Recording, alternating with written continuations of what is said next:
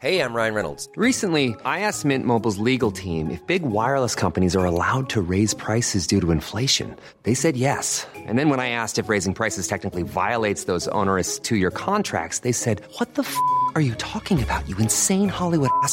So to recap, we're cutting the price of Mint Unlimited from $30 a month to just $15 a month. Give it a try at mintmobile.com slash switch. $45 upfront for three months plus taxes and fees. Promo for new customers for limited time. Unlimited more than 40 gigabytes per month. Slows. Full terms at mintmobile.com. Nu kommer attack ifrån Sugarcane Hanover som går mycket, mycket fort tycker jag. Det är så fort så jag tror att Kallit kan få svårighet att svara.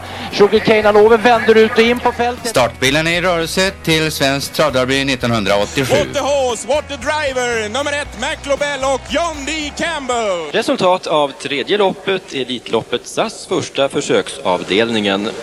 Segrare nummer sju, Marcon Lepp.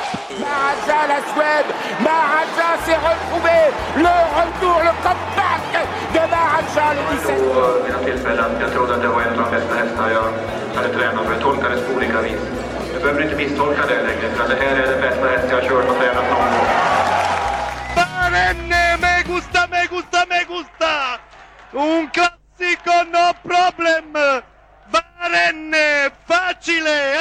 Då har vi kommit fram till avsnitt 161. Smaka på det. Av Trottosports podcast. Denna sista januari. Sista januari då överhuvudtaget. Nu lämnar vi den här Ja, skiten. För det här året. Det är till och med den första dagen i februari. Ja det är det ju. När vi eh, kommer ut ja. Det har du rätt i. Sitter jag här och... och eh, ja det blir skönt att lämna årets värsta månad. Du tycker att november som kommer senare är bättre än... Det är en dans på rosor jämfört Ja. med januari. Ja, det är intressant. Alla har sina hatmånader. Mm. Men välkomna! Och eh, som vanligt tackar vi eh, våra givare på Patreon och Swish. Och jag tänkte särskilt tacka en Ingvar Håkansson den här veckan som också är en mycket, mycket trogen eh, givare till oss. Så att eh, tusen tack! Och vill eh, fler bistå så går man in på trottosport.nu och fliken stötta Trottosport där så kan man se hur det man går tillväga. Fick in lite mer Stig och Johansson hästar eh, namn. Det är väl, eh, folk ger sig inte. De tycker eh, om det här. Eh, vi kan väl dra några stycken. Kaching. Den hade jag glömt i alla fall. Ja, Katching. Ja. The Big Apple nämnde vi inte. Åh, hade du glömt den? Oj, ja, visst. det, ja. Det, nej, den hade jag med tror jag faktiskt. Ja, där på slutet. Jo, men det tror jag. glömma. Nej. Pirate Copy är jag däremot helt säker på att vi inte har nämnt. Last Drop. I Oj, Want oj, oj. Dance. Corky. Det var mest elände med, med honom i och för sig. Ja, det. Eh, Opus Broline. Tap In. Abanoas. Kommer en liten luring. Hon är ju gulligt stor. Kickan Silvio. Dame East. Kit Lobel. Jag vet inte hur mycket han hade. Var det inte Bernt ändå som rattade Kanske. henne? Jag vet inte. Ja. Home Alone tror jag inte vi nämnde heller. En fanta- vilken ultratalang det var där i början. Miss Pilar. Och så en personlig favorit säger Mats som har skickat in den här listan. Som kanske inte nå- nådde några höjder. Hetsporren Viking Lovejoy. Är det någon som ni minns? Nej, jag är ledsen men jag måste passa det. Ja. Vad heter Ja. den här franska hästen som bröt benet i hagen? Passionant. Franska hästen. Ja, ja, jag ringer någon klocka. Men det, ja. Hmm. Det vet någon tror- lyssnare. Jag tror han heter Passionant. Passion- ja, Okej. En sån Annars- fantastiskt fin häst. Och så bröt han benet i hagen. Apropå Stig-Å. Vi kan bara säga att eh, fler namn podcast.trottosport.gmail.com om ni har eh, facit då på den här fransyskan också. Ja, det finns Yes. ju fler. Så mycket vet vi. Frans- Det finns fler hästar. Fransosen. Fransosen. Ja, det var en fransos. Okej. Så oerhört vacker han. Mm. Eh, apropå Stig som sagt. Eh, Jean-Yves Rayon, han som fött upp och äger söndagens storvinnare. Davidson DuPont. Stig hustru, jag tror alltså att Stig hustru Karin jobbade hos honom en gång i tiden. Okej. Frankrike. Ja. Stig har en liten del i. En liten del i, ja i alla fall hans hustru. Ja. Han är inblandad i allt, Stig. självklart. Ja. Ska vi följa upp den här, det här ballerina-paket-spektaklet också? Innan, innan vi går vidare. Det var inte riktigt som vi trodde. Ja, men, jo, vi trodde att Jimmy Andersson går omkring med ett ballerina-paket i kördressen. Ja. Det gör han möjligen men inte, då är den förverkad i sig på något Ja, just det. Nej, men eh, det är flera stycken som har hört av sig med eh, i, princip ident, identiska versioner. Så att eh, vi tror att det gick till så här då. Det var ju ett lopp då, ett lärlingslopp på Bergsåker för ett tiotal år sedan. Och eh, både Daniel Wäjersten och Jimmy H Andersson blev kallade av måldomarna efter det här lärlingsloppet. Och båda undrade också varför de skulle ringa. När det enligt deras uppfattning var en tredje kusk som var den som hade orsakat eh, det här incidenten. Eh, Wäjersten gick dit först. Och när han sen skulle ställa, sätta, ja, han gick alltså till, till um, inskrivningen på, på stallbacken. Och för att ringa där från den telefonen då. Och när han sen skulle sätta tillbaka telefonen då gick liksom ja, proppskåpet som det brukar heta hos, hos Wäjersten. Så han kastade alltså telefonen i eh, backen. Och eh, därefter gick den inte att använda. Detta fick då Jimmy H Andersson reda på så han fick knalla över inneplan till Moldomartornet. Väl där då så ska ju då de här meningsskiljaktigheterna ha eh, uppstått. Och eh, han har ju sagt då att det här var inte mitt fel. Eh, inte Wäjerstens heller utan det var en tredje person då som men de gav sig inte då utan eh, de visade på att det visst var hans fel. Och eh, då tittade sig Jimmy H omkring och eh, vad, vad, som fanns i närheten så att säga. Då var det en telefon, en skrivare och så det här ballerinapaketet. Så han valde ju ändå det, det mjuka föremålet så att säga. Och eh, väl där då så, så slungades eh, paketet mot, eh, ganska löst ska det ha varit, mot måldomarnämnden då, eller måldomaren. Så så gick det till. Ungefär. Hur många kex var det kvar i paketet? Ja, det, den uppgiften har vi inte riktigt lyckats få fram. Det sägs att det här är det värsta Jimmy O. Andersson har gjort. Så att han eh, verkar vara en väldigt tillsam... Under hela sitt liv? ja, det vet vi inte. Men i, i, tra, alltså, i travsammanhang i alla fall. Ja, herregud, det är också alltså. Gå igenom ett helt liv och vara så snäll som man nöjer sig med ett ballerinapaket. ja. Nej. Nej, vi får väl... Eh, det kanske kommer in eh, nya Wäjersten verkar ju inte heller vara den som brusar upp. Men... Nej, men den här gången då... Eh, alltså det är ganska bra att slänga telefoner innan mobiltelefonerna kom till. Ja, just det. Nej, det kanske inte var men... Nej, men väl på inskrivningen så fanns det. Ja, det var väl en sån där sladdtelefon. Hängde på väggen där. Ja, just det. Ja, det är lysande. Ja. Jaha, ska vi gå till um, ett annat spektakel? Uh, till uh, Frankrike och Vincennes från uh, söndagen direkt. Eller? Ja. Ja. Chocken till att börja med, som den har kallats, var ju, jag vet inte om vi hade kommit ut ens när nyheten kom att Facetime Bourbon inte skulle kunna delta. Så det blev ju ett nytt lopp kan man säga. Ja, det där med Facetime Bourbon, han har ju haft problem med den där skadan tydligen sedan han i princip föddes.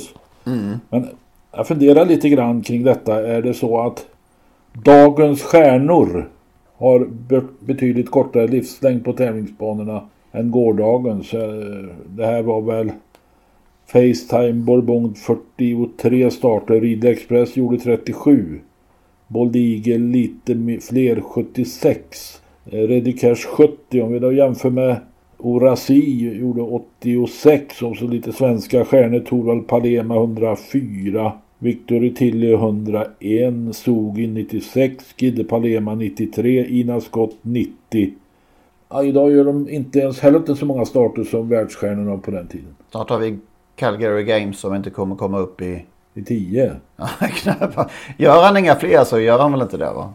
Men han, gör ju knapp, han kommer ju knappast att komma över 20. Hur mycket han än tävlar, eller vad säger. Sen kan man ju då säga när det gäller honom där så var det ett val att ta till aven och det, det har det säkert eh, här också. Inte den här gången men tidigare. Redikers gjorde 70 gick till aven men han var ju ganska dålig i slutet av sin karriär. Boldigen gjorde 76. Men det är uppenbart att, tror jag, att, att eh, det sliter mycket mer och att den här barfotakörningen gör livet kortare för tävlingshästarna. och bikar kanske på svensk mark. Ja. Även om Ja. de, de är ju icke tillåtna i Frankrike. Vad ska vi då säga om loppet som det blev? Och efterspel och allt vad det var. Ja, efterspel. Men det är, efterspelet handlar naturligtvis om, om drivningen, drivningarna. Men loppet, alltså det var ju två hästar som var fullständigt outstanding. Och det som händer nu det är att deras prestationer kommer i skuggan. I alla fall här i Sverige. I skuggan av debatten kring, kring eh, spöanvändandet. Alltså det, det är lite synd alltså att se två så mäktiga hästar rycka ifrån de övriga med många längder över upploppet och så förstörs alltihopa genom drivningsdebatter, ja, debatten, eh, deras ömkliga uppträdanden.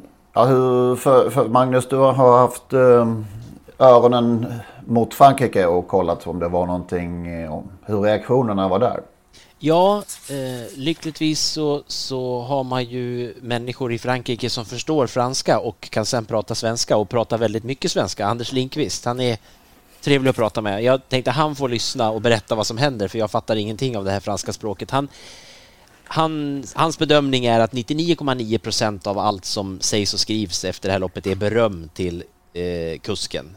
Och det är ju inte för att han betedde sig som han gjorde på upploppet. Man, man bryr sig inte så mycket om det helt enkelt, utan man berömmer hans styrning i stort och pratar om, om allt det. Vilket man ju önskar att man kunde göra, för det var ju fantastiskt bra styrt och betett ända fram till de här sista hundra metrarna där, sist upploppet och så vidare där. Men, men i Frankrike är det, finns, det här som vi har i Sverige, det finns ju inte i Frankrike. Det är ju inte alls några franska tweets och eh, rubriker överallt om drivning, det är det inte.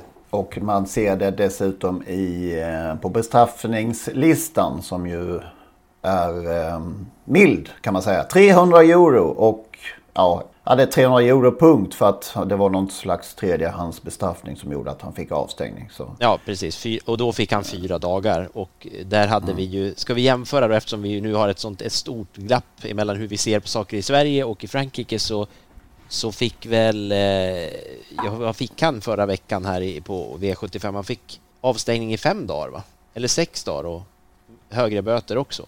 Nej, Marcus Svedberg som fick det, eh, de böterna. Eh, han vann V75 1 och eh, Nicolas Rosell då vann Prix d'Amérique.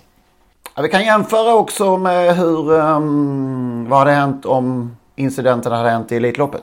Ja, om det varit samma, ja, 5 miljoner, då 50 plus 250 till 300 000 i böter. 300 000 i böter. För en betydligt, han hade fått det för betydligt mildare dessutom eh, Ja, ja. eh, hantering så att säga. Jämfört med, med 300 euro. Ja, det är ja. Det som Intressant. tröttade mig lite grann det var igår, eller i söndags rättare sagt, när Daniel Olsson då som nu gjorde sin sista insats som Frankrike-expert hävdade utan att skämmas att det är på gång att bli bättre i Frankrike och att de till och med har skickat måldomare till Sverige för att studera hur, hur man behandlar det här med drivningar i Sverige. Och eh, det har, vi har också hört det tidigare, STs ordförande och UETs, eller Europaunionens eh, ordförande. Men det har inte blivit ett skit bättre. Det är snarare tvärsom. Ja, faktiskt. Det är Vi nästan kommer så. ihåg den här, här debatten med Damien Bonn eh, och det blev stort uppslaget och då sa fransmännen ja men det här, nu ska vi titta över det här och det här ska bli bättre. Det vi såg i Prix de och det vi såg i söndags kommer inte att säga att det är ett uns av bättring. Jag kan säga det här, Anders Lindqvist sa, sa så här då att när han kom ner till Frankrike så var det ju mycket värre än det är idag. Eh, hans uppfattning är att det har blivit bättre, men han sa också att eh, Frankrike är väl där Sverige är idag om 10 till 15 år. Så att det är möjligt att det, att det pågår ett arbete där, men, men Anders var tydlig med att det, det, det tar ju tid där. Det, det Dan, Ja, Daniel Olsson gjorde en bra insats i studion igår, men just där eh, fick, han fick då låta lite enkelt där. Det kommer ju inte att gå fort. Det har vi ju sett. Nej men om man nu säger att, att eh, förbättringar är på väg då måste man väl ta det pö om pö, steg för steg och visa det då. Det här vi såg i söndags och för två veckor sedan tidigare. Det, det, det är ju ja, det är inte som kanske på 70-talet. Alltså Anders Lindqvist har ju varit i Frankrike 150 år eller något sånt där. Så att, eh, att det har blivit bättre sen den tiden, det, det kan jag tro också generellt. Men man kan ju nästan inte se en värre drivning än i årets Prix d'Amérique. Är det möjligt? Alltså? Nej, nej det, var, det var ju... Det är sagt så mycket. Det, det är så otroligt trist eh, att se det och, och även i Frankrike som i, i, andra länder där, där man eh, vevar som man gör så bör man nog ändå förstå att sportens existens inte gynnas av att man, att man inte ger skarpare straff och är tydligare i sina markeringar. För alla på upploppet igår drev ju inte på det här sättet. Eh, den som kom trea i mål till exempel gjorde det ju inte. Och det gick ju bra att komma trea i alla fall. Eh, så, och han kanske var nöjd med det då, men, men jag tror inte att hästen hade sprungit så det jättemycket fortare om han hade vevat, vevat som Nej, men som alltså de som var ett och två hade de, de har blivit ett och två kanske omkastad ordningsfull om man hade suttit eh, som man gör i Sverige lugnt och städat. Men alltså vi, vi, har ju den här debatten efter de stora loppen i Frankrike varje år och även efter Hemletonien och sådana lopp där, vi, där Åke Svanstedt fick oerhörd kritik ett år. Eh, samtidigt så på något sätt bejakar ju vi det här genom att arrangera spel, ATG arrangerar spel på fransk travsport. Ja, för det är ju inte bara i de här storloppen utan man ser ju det varje det i varje, nästan, ja. till varje lopp så, så, så. Än mer, än mer tydligen i eh, de här loppen som sänds från Australien som jag är eh, vaccinerad mot. Eh, jag pratade med en travtränare idag. Titta på det ska du få se hur det ser ut där. Varenda satans dag visar man detta. Och det är dessutom. Eh, hemska passgångarlopp med, med enkla hästar också och, och massa, det ser inte klokt ut på inget sätt liksom. ja men det, det, det, man tjänar i pengar på detta, att visa och arrangera spel på detta, det förlorar man tror jag i image Eh, Eh, så att de som, nu sitter väl ingen vanlig Svensson och tittar på australiensiska eh, passgångarna upp utan det är härdade svenska travspelare. Blev lite nyfiken. Man, känslan är att det är några oerhörda småsmulor som spelas på de här loppen. Jag blev lite nyfiken på hur omsättningen är och kolla de senaste två veckorna. Det är ju spel till Australien varenda dag i princip. Alltså alla vardagar. Eh, jag blev mycket, lite förvånad måste jag säga att det, ja, runt 300 000 spelas det på en V4 varenda dag. Till och med... Är det möjligt? Uppemot 400 var det någon gång till och med. Ja. Eh, dessutom runt 50 000 på övriga spelformer i varenda lopp. Oftast är det åtta lopp som, som körs. Så det är ju det är några kronor då som trillar in. Ja, de det kan spelas tydligen, ju på allt. Ja, det, de kan tydligen då ATG inte motstå.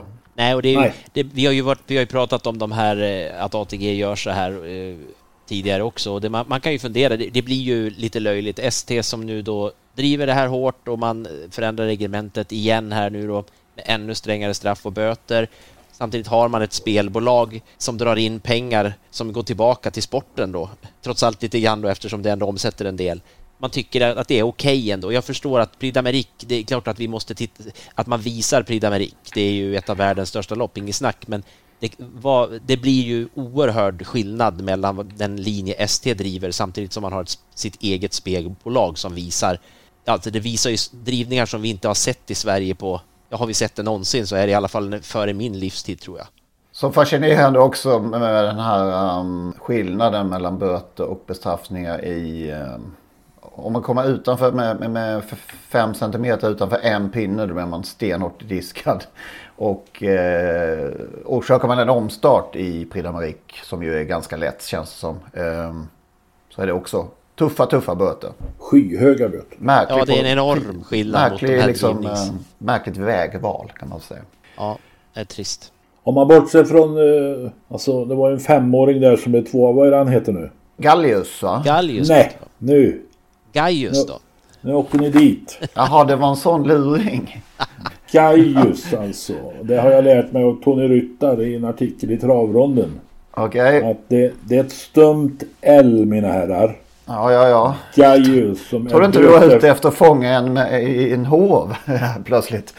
Alltså, tränaren där har, tränaren sambo har döpt hästen efter en film som han älskar. Gladiator Gaius.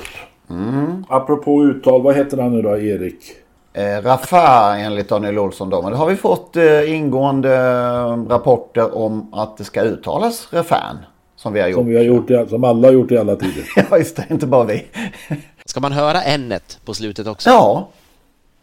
Ja, det ska man. Inget, inget sånt där, vad säger man, diftång? Nej, jag är för Skum- dålig på de här en- orden. Ja. Nej, han, skrivaren som har hört av sig tidigare och ni kanske kan misstänka vem det är från Parisisk horisont. Så eh, skrev han Raffin med en. Så att eh, jag tror att det Gaius och Raffin har vi lärt oss.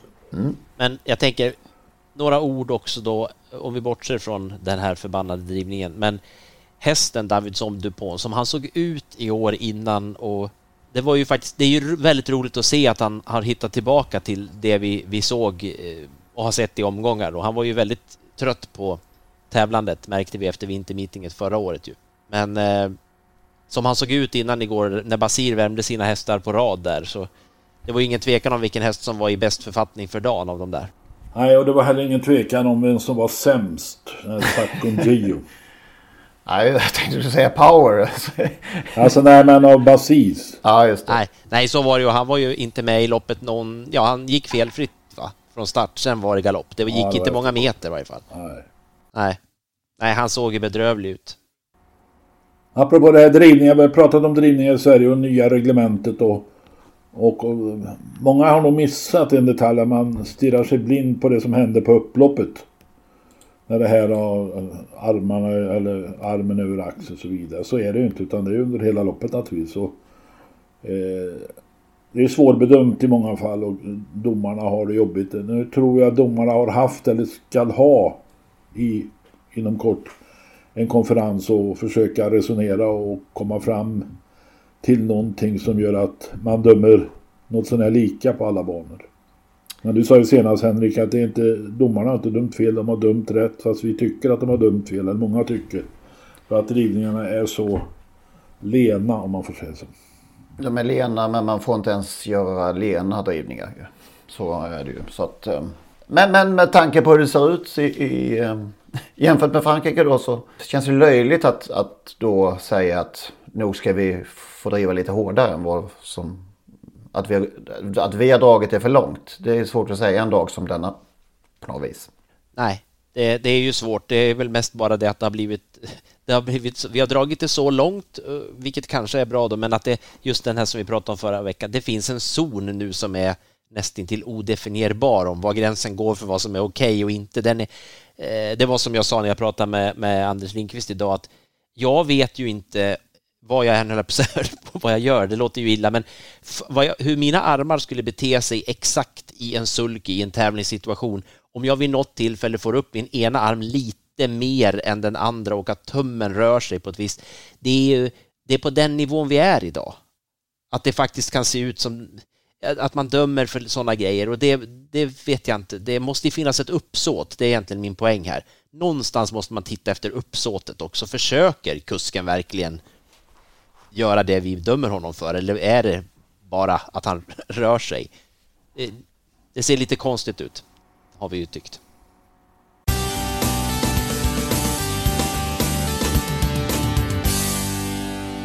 Vi får se vart det tar vägen. Här hemma, ja det... Jag säger Phoenix Foto att det var det bästa i veckan. Eh, vår spik, eller din spik Lennart, eller möjligen din också Magnus, eh, från förra podden. Gjorde ingen besviken av oss. Och eh, var ju strålande i, från dödspositionen. Eh, vad hade ni på bästa listan? Ja, det var ju EM-guldet i handboll utan någon som helst tvekan. Ja, ja det, jag har inte sett en minut. Jag tänkte jag skulle se finalen men sån medgångssupporter kunde jag bara inte vara. Efter att Men det är det du ska göra i handboll, Henrik. Du ska vill- se en minut, den sista i varje match. Ah, okej. 59 minuter är helt, jag ska inte säga ointressant, men det är helt, det finns ingen annan sport. Det är ofattbart med handboll. Hur, hur det kan bli så jämnt efter 60 minuter. Jag säger alltid och överdriver naturligtvis, men de här matcherna Sverige spelar. Och det är ju så ofta det är så. Hur kan det, hur kan det vara så? Det är mentalt. Alltså jag sa förra veckan till mina kamrater, spela kryss på alla återstående matcher. Det blev bara två, men det, det gick ihop ändå, för kryss ger alltid 9-10 gånger. Och det var nära, sen missade jag Danmark, Frankrike i bronsmatch och det var nära i Sverige både mot Norge och i finalen. Så att, men äh, även om inte du tittade så läste jag att det var över två miljoner tittare på finalen Henrik. Mm. Däremot, jag måste bara flika in här, att jag har eh, lite grann eh, halkat in på, på tennisen igen. Och såg, sett två, flera maratonmatcher här i senaste veckan i Australian Open. Varav finalen då spräckte fem timmars gränsen. Helt otrolig match måste jag säga. Så jag är lite börjar bli lite tennisfrälst nu faktiskt. Ja, fem timmar, det kan du nästan se fem handbollsmatcher under samma period. Ja. Ja, det är bra. Nadal då som besegrade den uh, härliga ryssen Medvedev. Som till, Ja. till slut tills, ty, tyvärr fick ge sig. Jag måste ju också nämna mitt andra, min andra, min andra, den jag trodde på i lördags. Huddlestone i den avslutade avdelningen. Som aldrig var i närheten av att förlora. Inte under någon meter av loppet. Gjorde du fler bång? Nej. Och sen, sen var ju den här, hon som vann Vilja TYC. Som på 500 meter sprang ifrån dem med 50 meter. Det var Sugarcane Hanover. Ja, det Lite var riktigt. Förra gången stannade hon i ledningen och bara hon... Ja, det var imponerande. Ja, det var det verkligen. Hon trivdes, måste- trivdes i snön. Kanske. Ja, hon kommer ut på lördag igen tror jag. Jo, det vet jag. Jag måste lämna en sak till från förra veckan. Linnea Fargo på Axvall i söndags. G75. Anders Bräcke. Amatören det. från Tidaholm. Kommer ni ihåg honom? Det var länge sedan vi hade honom på tal. Och eh, det var ju för ett par, tre år sedan va, som han... Nej, det var ännu längre. Kanske fem år sedan. Ja, ja Som är ju- Stepping for Money. Just det. Vann 2000, 2015 ett V75-lopp. Tror bara på Romme faktiskt. Stefan Söderqvist det i alla fall. Han, han bodde hos sin häst när han var ute och reste. Ja, sov i boxen. K- Den här Bräcke. Nu kom han tillbaka med Linnea Fargo. Och vann ett G75-lopp eh, på ett läckert sätt. Tveklöst en profil. Ja, Lite udda tankar. man. Ja. Håller till i Tidaholmstrakten nu. Tidaholm. Jag tror jag får åka och hälsa på honom. Ja, det Det får var- du göra. Det var bra att du sa det där med snö på Östersund, Henrik, så att vi får de som skötte banan, banarbetarna. Eh, vilken... jag- Jag tyckte det lät som alla tränare var jättenöjda med, med underlaget utifrån det, de förutsättningar som, som var och hästarna kutade ju fort och, och det såg ju jättejobbigt ut att springa på den där banan men det verkar ju ha varit ett, ett underlag som var Ja, det var många som hade bekymmer tror jag. Ja, det kan, det kan ha varit så också, men som sagt, de, de gjorde ju ett jäkla jobb att hålla igång med ett vind och konstant snöfall under en hel tävlingsdag och ändå få det att fungera. Det, Var det några andra som eh, påpekade detta? Alltså, fick de hyllningar av andra och i generellt? jag tror, eh, man hör så mycket under en tävlingsdag, men jag tror att en av dem vars röster jag hörde som var, sa det, det var Jan-Olof Persson. Annars, är det bara, det, annars känns det bara, det, det är bara eh, de här bröderna Johansson i Halmstad som, som får beröm av banarbetare. Ja. känns det som ibland. Det är lite så, det är alltid bra det ingår, det där. spelar ingen roll hur banan är i Halmstad så får de beröm. Ja, ja det, är, Det ingår i dramaturgin. ja, faktiskt. Ja, de är helt, helt överlägsna alltså. Ja. Nej, men när man såg det här så kände man ja det här blir en sån klassisk dag där man sitter och räknar på alla som går på innerspår blir trötta, det blir jobbigt. Men det var ju inget sånt utan det kändes ändå som det var jämnt över, över i alla spår i alla fall. Sen kanske inte alla älskade underlaget för det, det är, så är det väl alltid. Det är väl alltid någon det inte passar. Men... Så är det naturligtvis.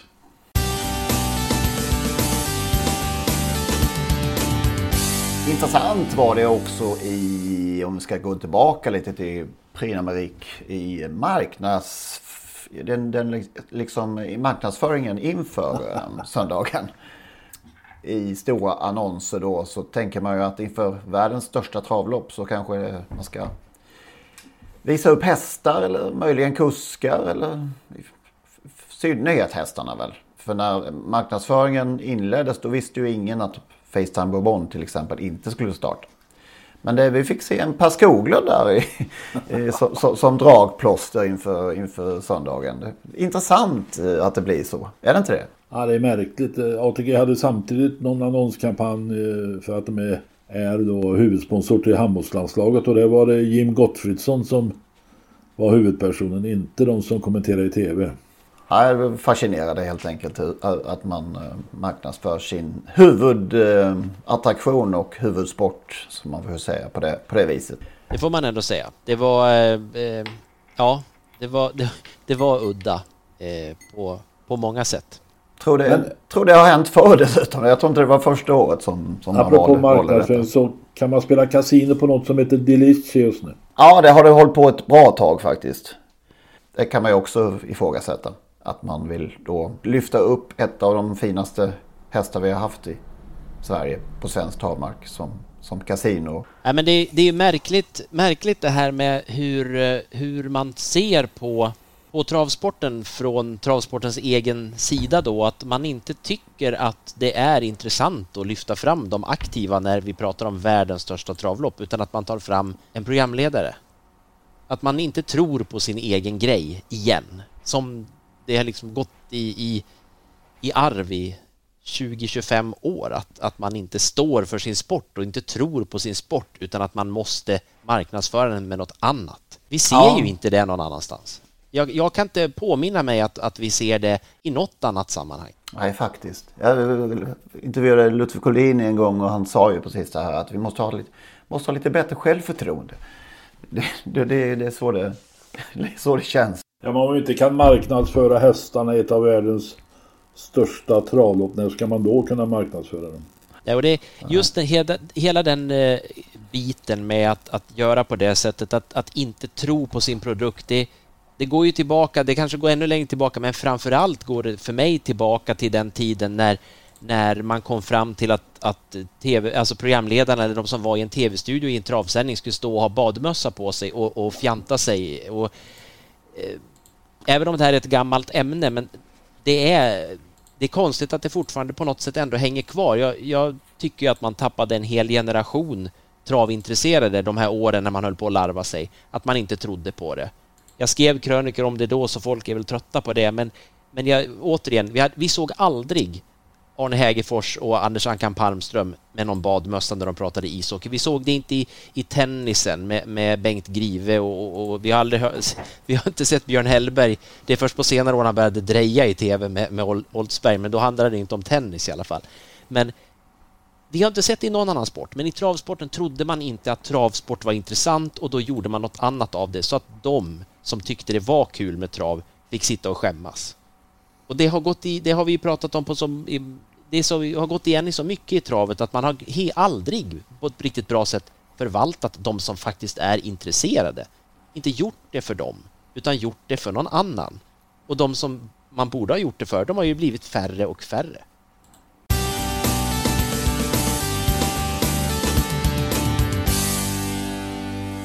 Vi har två kopplingar till det vi har pratat om eh, nu då. Att det här var en tid då eh, hästarna kanske lyftes fram på ett annat sätt. Och eh, apropå att eh, elithästar och hästar överhuvudtaget gör färre och färre starter i sina karriärer.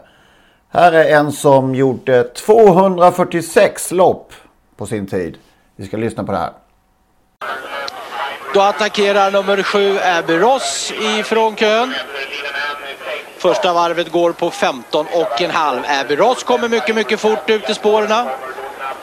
Vi börjar sista varvet där med favoriten nummer 5 Piper Cub. Men får nu på utsidan nummer 7 Abbey Ross. Och nu blir det tryck hela sista varvet. Abbey Ross Ehm, kan hålla tempot. Han rycker bra i fältet. De har några som har lite svårigheter faktiskt att gå med. Beauty Lion följer med ryggen på ledaren. Andra paret utvändigt nummer fyra, Cole Portisong som jag tycker Star är ute i tredje spår. I fjärde spår kommer sen också nummer tio, Rebur. In på upploppet är det fortfarande fem Piper Cup. Men han har trycket av Abbey Ross på utsidan.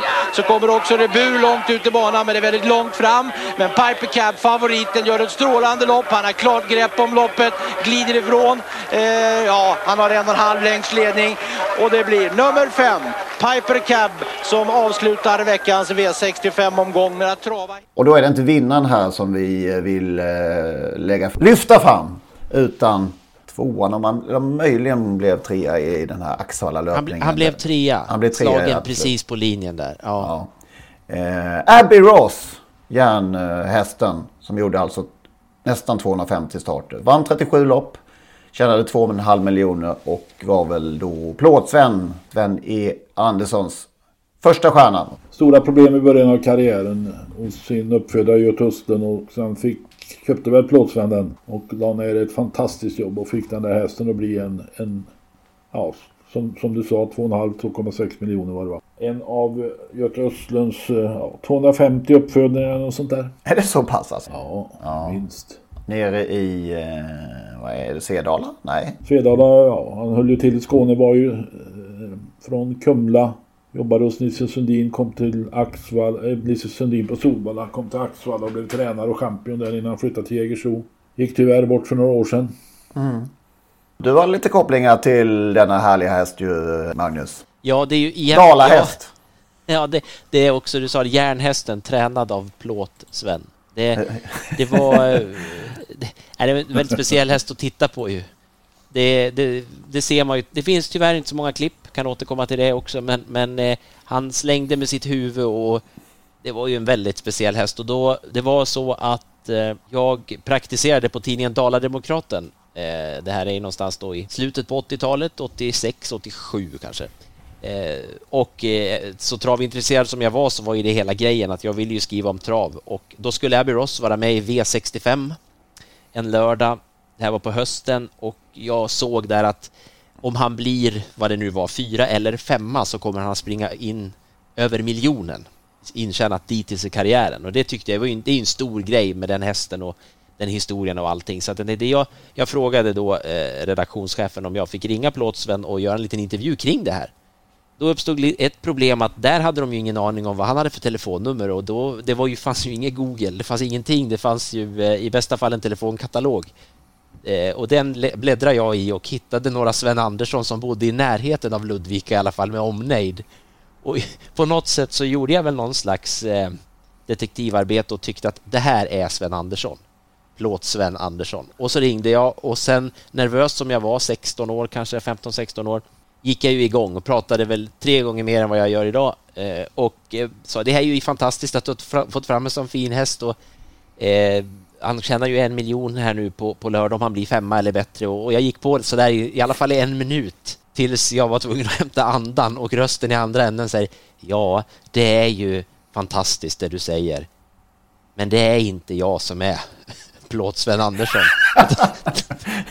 det var en annan Sven Andersson jag hade ringt till.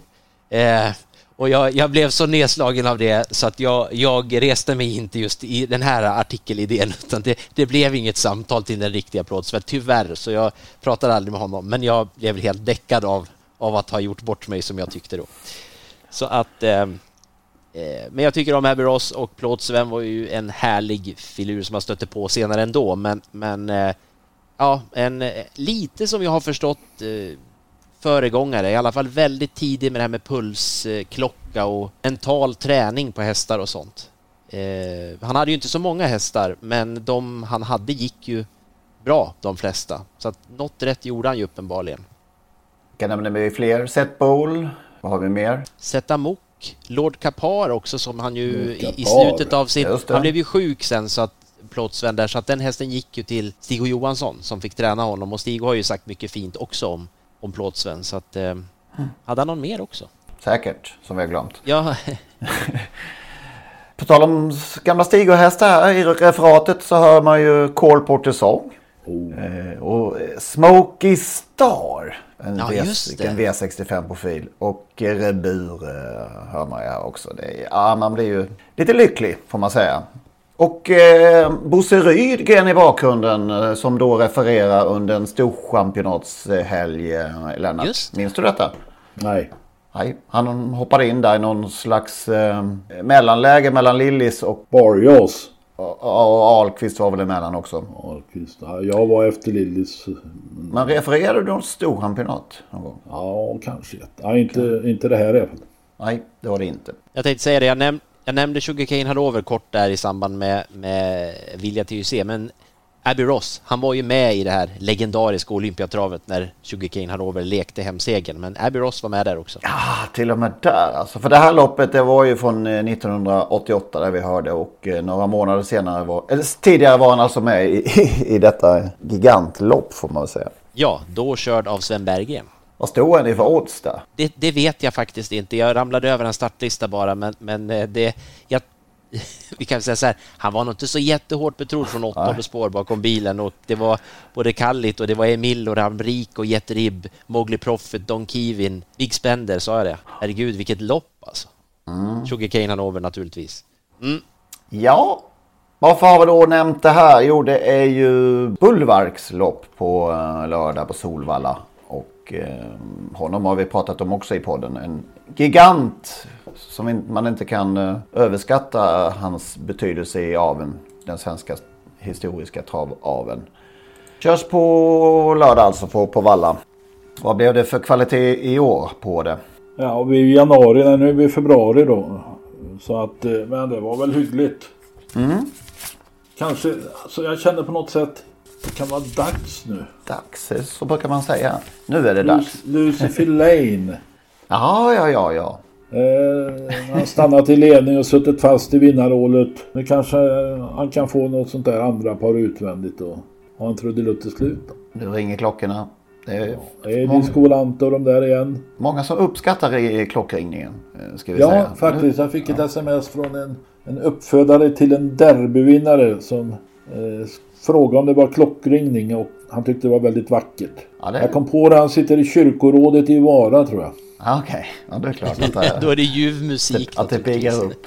Ja, det, ja, men det är stämningsfullt där i, i slutskedet på varje podd. Lucifer Lane alltså, nu är det dags. Eh, håller du med Magnus? Nej, nu, jag, alltså för dagen så sopar ju Lennart banan med, med mig vad gäller V75-idéer så att jag, jag, jag säger bara att, säger Lennart att det är dags, då är jag det säger dags. inte att han vinner men den har ju varit mycket sträcka nu de här senaste åren. Nu, nu blir, kommer han lite i skymundan tror jag. Så är det. Han blir, folk Ja, har ledsnat det, ja. lite nu. Så. Mm. Och då är det dags att kliva in. Kanske. Vem blir favorit här? Blir det Disco Volante på, på senaste vinsten eller, eh, Det är väl, så kan det naturligtvis bli va? eller Milligan School kanske? Nej, den tror jag inte blir alls så mycket att sträcka. Nej, nej. Global Adventure kanske, efter spurten där. Ja. Hasabuco. Blev de Ge- de Gerz har spår 10 nu och eh, måste ju naturligtvis räknas. Hade ju kommit bort där på, det blir lite tokkörning eller ja, lite, lite raggarkörning i loppet där så han hamnar ju illa till senast i Örebro då. Nej, Färjestad var det. Nej, men det är ju öppet och lite småputtrigt.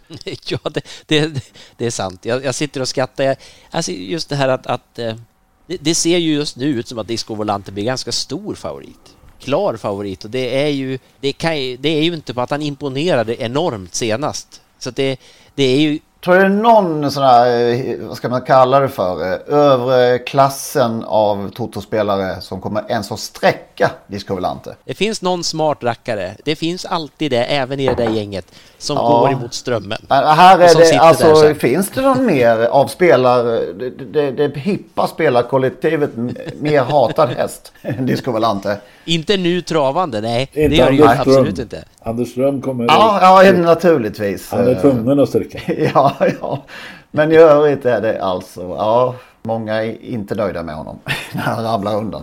Som de tycker, som de tycker, ska jag säga. Ja, det är så tråkigt också. Man sitter och pratar om häst och sådär. Det, det går inte att ta ifrån hästen det han har gjort eller någonting. Det är Nej, 80, snudd på att 89 starter, apropå att tävla le- många gånger och 33 segrar, 5,7 miljoner. Fantastiskt.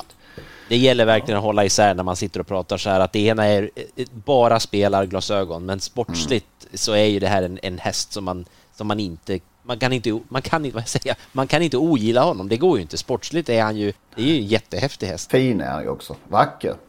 Men det är totospel som sagt som gäller när man ska fylla i eh, och sträcka. Kan eh, Sweetman förlora? Ja, Ja. det är klart att han kan. Ja Varför skulle alla, han inte kunna det? alla, häst, alla hästar kan förlora som du heter. Ja, men alltså får Gaius Dream en bättre häst är jag övertygad om. Han kanske mer, kom, mer komplett då, men, men här sitter han väl i ledningen på... på eh, Men det kan ju bli körning och akkuras. har, något, eh, har något sprutt i benen kvar den där. Nej, det kanske inte har. Eddie West är också med. Alltså det är tre jättebra hästar. Sweetman, Four Guys Dream, Eddie West och kanske även Nero Maximus.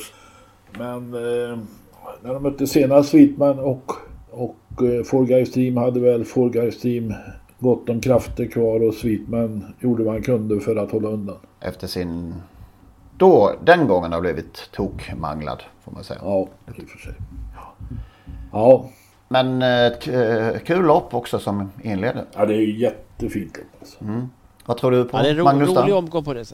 Nej, jag, jag har, det är för tidigt att jag ska tycka så mycket. Jag- När jag, det, när jag scrollar, eh, man gör ju det numera, scrollar igenom en, en startlista och det är ju, det är roligt med de här finalerna nu. Det är, framförallt är det ju ett, ett jättefint, eh, alltså silverdivisionsfinalen är ju jättefin. Eh, men det är många lopp, vi har sett många av det, vi får ju se igen Nurmos båda, eller framförallt tycker jag ju att det är egentligen klassblandning mellan de två också, Amalensius BB och Bitcoin Dark där. Det är, men de två har ju båda kommer ju med i alla fall med segrar. Den ena väldigt turligt och den andra fullständigt överlägset bäst bara. Här får jag mig ju den här, min farhåga hur han ska ta loppet där blir ju intressant att se. Om han är lika bra den här gången. Ja, nej, men det är ju, vi såg ju en, en Nurmos favorit och nu var ju det förvisso då eh, första starten, men, men Black and Quick där i lördags där som, som eh, ja. Åttonde spår, kort distans, lång resa, dåligt underlag eller jobbigt underlag. Ja, det var ju nästan en omöjlig uppgift.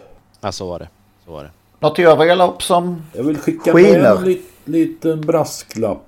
En i brasklapp? avdelning- Margaretas, eh, en av Margaretas lopp där, ett av Margaretas lopp, fyraårsloppet ko- för hingstar och vallackar är med på kupongen. då. Jag har hittat en här som jag verkligen gillar. Jag är inte säker på att den räcker här men nummer två Key Keeper.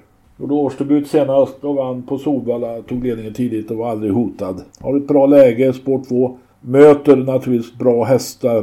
Ruger är bra. Icon med Rass är bra. Men jag skulle absolut vilja ta med en Key Keeper.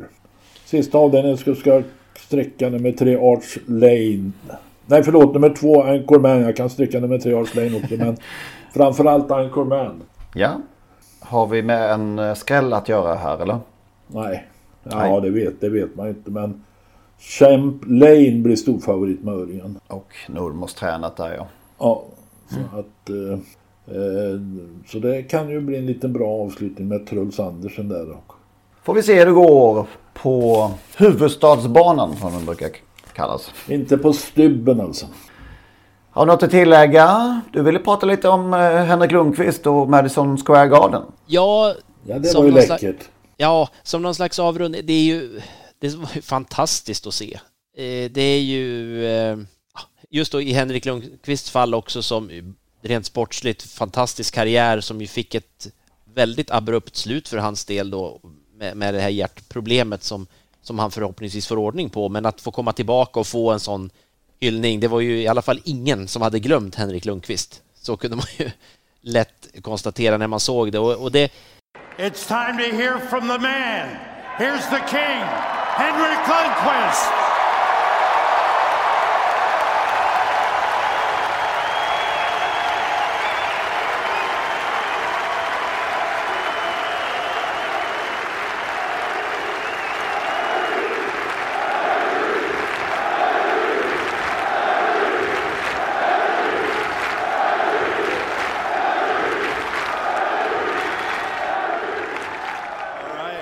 När jag, när, man, när jag såg det här så tänkte jag på det. det. Det är inte så att man kan säga att USA alltid är ett föregångsland, kanske tvärtom, men om det är någonting som de är föregångare på på ett väldigt positivt sätt så är det ju hur man hanterar sin sporthistoria. Att man gör, man slarvar inte bort att, att en, en bra spelare slutar och man, man ser till att folk kommer att prata om det i, i, i all framtid. Och då eh, dristar jag mig till att skriva en tweet där jag fick ihop någon formulering på slutet och direkt tänkte att det här är ju precis vad travet borde göra. Och det, jag skrev den att, att, att få minnas och beundra idrottshjältar är det som skapar nya och behåller publiken. Och behåller publiken. Alltså att folk vill hålla på med det och folk vill titta på det. Därför att det, man, är, man har något att vara stolt över, man minns någonting, man slarvar inte bort det. Vi i travsporten har ju tyvärr varit väldigt bra på att slarva bort historien, tycker jag. Och det sku- vi framförallt, vi har världens möjlighet, och det har jag ju varit inne på förut, att se till att den, den blir, att den blir skap, alltså sparad. Och även vi kan återskapa den genom att ATG, ST, whatever, lägger ut massa lopp på fina hästar så att vi inte behöver leta efter skratt, skrultiga Abbey Ross-klipp och sånt, utan att vi faktiskt har det, den kopplingen bakåt och framförallt värnar om sporten framåt också. Det är ju, vi har ju som sagt, vi har ju jättelite publik på, på, på banorna, vi vet ju det. Och intresset svalnar ju totalt också, men ska man vända det så är tror jag det här är ändå vägen att gå. Jägersro har fortfarande inte lagt ut något Bo William Takter segerlopp, storlopp. Det är, apropå detta, Det borde vara enkelt. Ja, tänk vad, tänk vad vi skulle ha delat eh, Oj, oj, oj. klipp med, med, med takter där. Det är, nu, nu delade vi istället och det var vackert nog. Eh, Jimmy och Jonnys eh, resa runt banan där med, med, med kistan. Det var ju otroligt vackert och det blev delat. Men som sagt, allt sånt där, det finns ju. Det är väl bara att se till att få ut det och det kan inte vara så svårt. Vi har ett fantastiskt lopparkiv. Det, är ju, det byggs ju på hela tiden, men ett historiskt lopparkiv vore ju fantastiskt kul. Italien är också för jävla bra på att minnas eh, sina hjältar och eh, hyllas när de hyllas ska. Och eh, det måste jag säga. Sitter fortfarande en eh, Claes Ingesson banderoll på läktarna i Bologna till exempel. Det är ju vackert.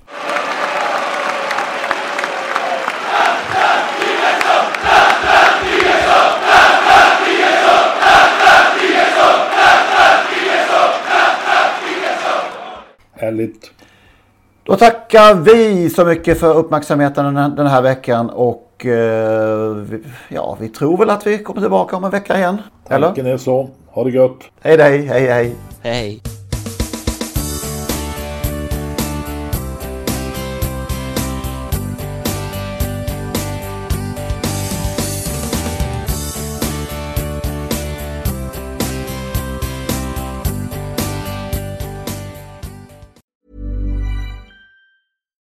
Deserves the best, and there's no better place to shop for Mother's Day than Whole Foods Market. They're your destination for unbeatable savings, from premium gifts to show-stopping flowers and irresistible desserts. Start by saving 33% with Prime on all body care and candles. Then get a 15-stem bunch of tulips for just $9.99 each with Prime. Round out Mom's menu with festive rosé, irresistible berry chantilly cake, and more special treats. Come celebrate Mother's Day at Whole Foods Market.